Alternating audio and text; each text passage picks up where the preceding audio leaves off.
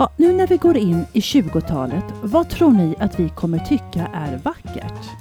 Kan vi välja vad vi upplever som skönhet och vad som är vackert?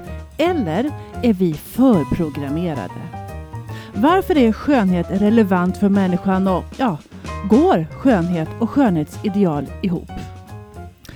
Varmt välkomna till Mind My Business och det sista avsnittet av podden om välmående och balans i vardagen. Jag heter Ulrika Danneryd Gustafsson. Ja, alltså det har ju filosoferats över skönhet i urminnes tider och obönhörligen så är det något som fascinerar. Vi kan skilja ut ett vackert ansikte på sekunden. Det är liksom ingenting vi behöver fundera på. Är det vackert så är det vackert och då är det vackert på en gång. Och vacker musik drabbar oss på en gång, så även konst. Så vad är skönhet? Om vi börjar där, går det ens att definiera? Ja, låt oss börja från början i den här historien. Och det börjar verkligen de facto i början av vår alldeles egen historia i oss. Det har forskats en hel del på huruvida vår uppfattning av skönhet är någonting vi är genetiskt kodade för att känna igen, eller om det är någonting vi lär oss. Dr. Alan Slater med forskarkollegor han har forskat på huruvida nyfödda barn föredrar och fokuserar på ett vackert ansikte kontra ett inte fullt så attraktivt ansikte. Och de kunde konstatera jo, att mycket riktigt barnen väljer ut och fokuserar på det vackra ansiktet. Men forskarlaget ville även undersöka om den här skönhetspreferensen bara var något som gällde människor eller om det var så att det även gick utanför människoramen. Sagt och gjort. De undersökte därför om ett sött ansikte på en tamkatt versus ett inte fullt så sött ansikte på en tamkatt skulle få samma utslag bland spädbarnen.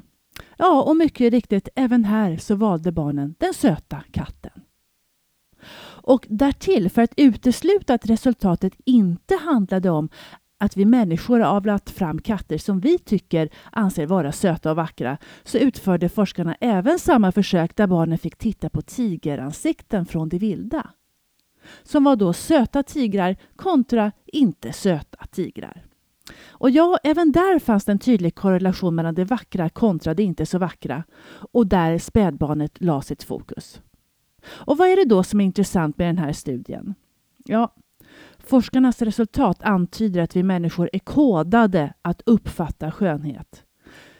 Snarare än att det skulle handla om någon form av kodning för hur och varför vi väljer våra partners, som man kanske annars skulle kunna tro.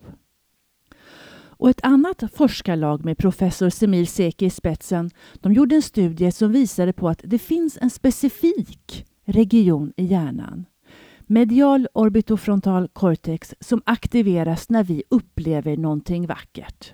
Må så vara om det händer när vi lyssnar på någonting vackert eller vi tittar på någonting vackert eller läser någonting vackert för den delen. Därav ordet upplever.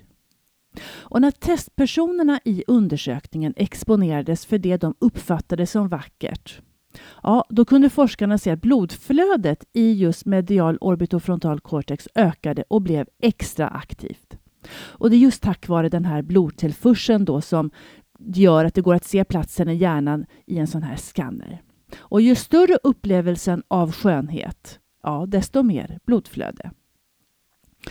Och när vi tittar på ett vackert ansikte eller på någon vi tycker om så händer samma sak. Och om personen i fråga dessutom ler så ökar aktiviteten än mer i hjärnan. Och alltså mer upplevd skönhet, mer blodcirkulation. Låter hälsosamt. Alltså kan man kanske då säga att det är en mänsklig grundläggande egenskap att uppleva skönhet. Och som en liten intressant parentes eh, utanför skönhet, men ändå. Ögonen kommer ofta upp när man pratar om skönhet, att ögonen är det första vi tittar på hos en annan människa. Och hur gör du? I alla fall, enligt Vanessa van Edwards, författare och beteendeutredare, så är det händerna det första vi tittar på hos en annan människa. Inte ögonen och inte ansiktet. Och det här lär även det vara en rest från vår tid som grottmänniskor, då det första vi tittade efter var om någon höll ett vapen i handen. Ja, men en, en sten eller ett spjut. Ja, för vi ville ta reda på om allt var gott och väl eller om vi stod inför ett förestående hot. För, säger Vanessa, om vi inte ser händerna på personen även idag så kan vår hjärna inte tolka intentionen som personen i fråga har. Och ser vi inte händer, kan inte tolka intentionen, då blir vi misstänksamma. Ofta alldeles omedvetna om att det här händer och pågår. Men det gäller även omvänt. Ser vi händerna så känner vi oss trygga. Plus att det stärker personen vi möter, alltså det stärker den personens etos. Och det är lite spännande. Det får vi tänka på nästa gång när vi sitter i ett möte. Visa händerna. Och bara en reflektion. Hur gör du förresten med dina händer när du känner dig trygg och bekväm? Och vad gör du med dina händer när du känner dig obekväm? Ja, det är lite intressant att fundera över. Och vad gör du med dina händer eftersom vi pratar om skönhet när du känner dig fin? Oavsett nu hur vi tolkar ordet fin. Men hur ser ditt kroppsspråk ut då? När du känner dig fin? För ja, men, de flesta av oss vi vill ju känna oss fina. Oavsett nu hur vi definierar ordet fin. Och många gånger så blir jag i alla fall mycket gladare när jag känner mig fin. Och när jag är glad så slappnar jag av mer och när jag slappnar av mer så ja, då andas jag bättre och när jag andas djupare tänker jag bättre och det jag tänker på påverkar känslan. Det blir en positiv spiral. Och märk väl, definitionen av fin det är en subjektiv känsla. Men andra dagar känner jag mig inte fin. Och den spiralen, ja, den kan vara lätt att tänka på vart den skulle kunna ta vägen. För den inre dialogen om oss själva till oss själva kan vara hård. Och vad vi tänker om vårt utseende, det är business, eller hur? Det finns mycket pengar och makt i skönhetsindustrin. Och människor har gått långt i sin strävan att känna sig vackra. Förutom att det är smink och färgning, klippning och träning och, och mat och så vidare så kan det ju även vara knivar, krämer, fillers. Rätta till, strama upp, släta ut. Och plastkirurgin för all del har ju också hjälpt en väldigt många människor till att må bättre och till ett bättre liv, såklart. Men nu träder nya anledningar in på arenan. Det är selfie-filters och det är manipulerade bilder.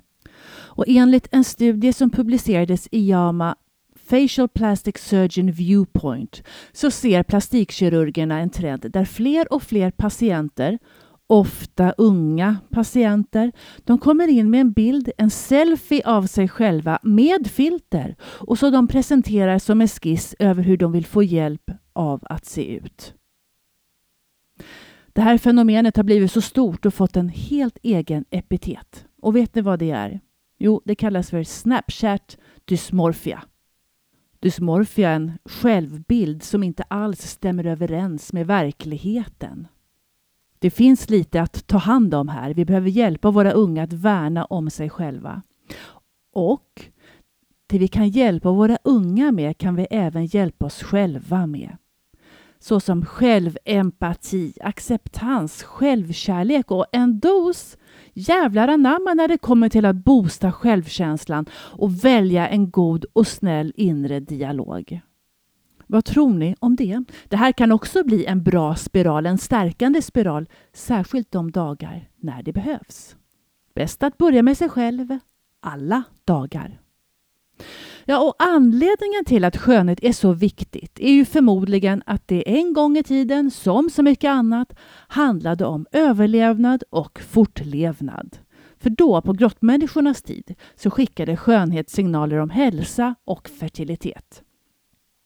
Ett glänsande hår eller ja, päls kanske, stark kropp, pigga ögon betydde något i stil med att eh, du som grottmänniska åt ordentligt och hade hormonell balans i kropp och knopp. Alltså, i grund och botten, en vacker grottmänniska var en grottmänniska som kunde fortplanta sig. Skönhet som överlevnadsfaktor ur två aspekter alltså. Hälsa och fortlevnad av art. Idag kanske vi inte skulle säga att en grottmänniska var vacker. För vi har ju haft olika skönhetsideal genom tiderna. En gång i tiden så användes korsetter för att få till rätt siluett. Det ansågs vackert och det ansågs som självkontroll, civilisation, det ansågs som karaktär att ha. Och något inte alla förunnat. En gång i tiden runt 1700-talet använde män lösvader för att kompensera för ja, eventuella muskulösa brister. Och övervikt, eh, eller i alla fall avsevärt hull, fylliga former ansågs under år av mindre tillgång av mat och svält som någon form av skönhetsideal eftersom det betydde att personen i fråga var förmögen nog att ha tillgång till mat. Därmed inte sagt att man ansåg att fetma var bra för hälsan. Men hullet var ett ideal, ett kvitto på att man var någon att räkna med, alltså något inte alla förunnat. Under det glada 20-talet för hundra år sedan, då var det för i alla fall kvinnor den slanka pojkaktiga idealet som var på tapeten.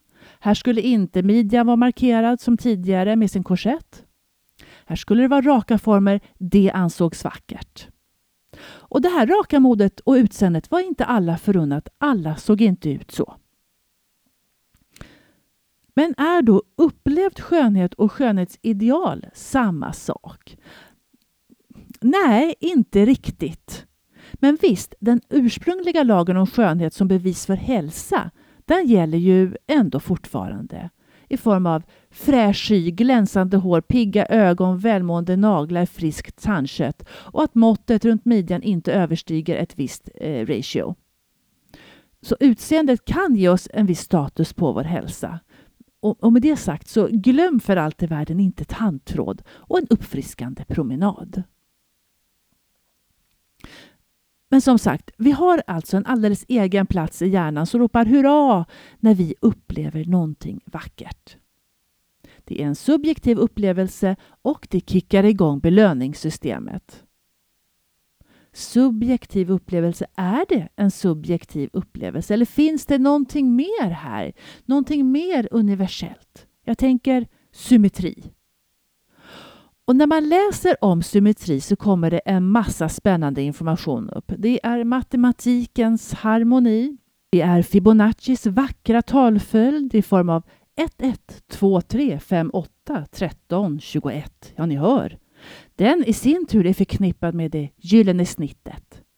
Och det gyllene snittet är ett matematiskt mått eller enhet på 1,61803 och så vidare och beskrivs ofta som det matematiska måttet för skönhet. Det kallas för phi, inte att blanda ihop med PIS 3,14. Så det gyllene snittet, eller FAI, återfinns på väldigt många ställen i vår värld sägs det. I galaxer, i en snäcka, i en solros, tallkotte, i elefantbetar, i formen av en orkan med mera, med mera och i konst, som i tavlan Mona Lisa, i musikens frekvenser, den perfekta harmonin. Och skulle ditt ansikte följa det gyllene snittet skulle du med all säkerhet anses vara underskön. Nefertiti, den kända drottningen under Egyptens artonde dynasti, lär ha varit just underskön. 1912 så återfanns en byst av henne som var skulpterad enligt det gyllene snittet. Äktheten av bysten har diskuterats men oavsett så är den skapad med perfektion i symmetri och balans. Skönhet i sin essens. Nefertiti levde mellan 1370 och 1330 före Kristus och konstverket lär vara skulpterat runt 1345 f.Kr. Med andra ord så var det rätt länge sedan. Och förresten så är hennes fullständiga namn, och nu läser jag till Neferneferauten Nefertiti. Blev det rätt nu?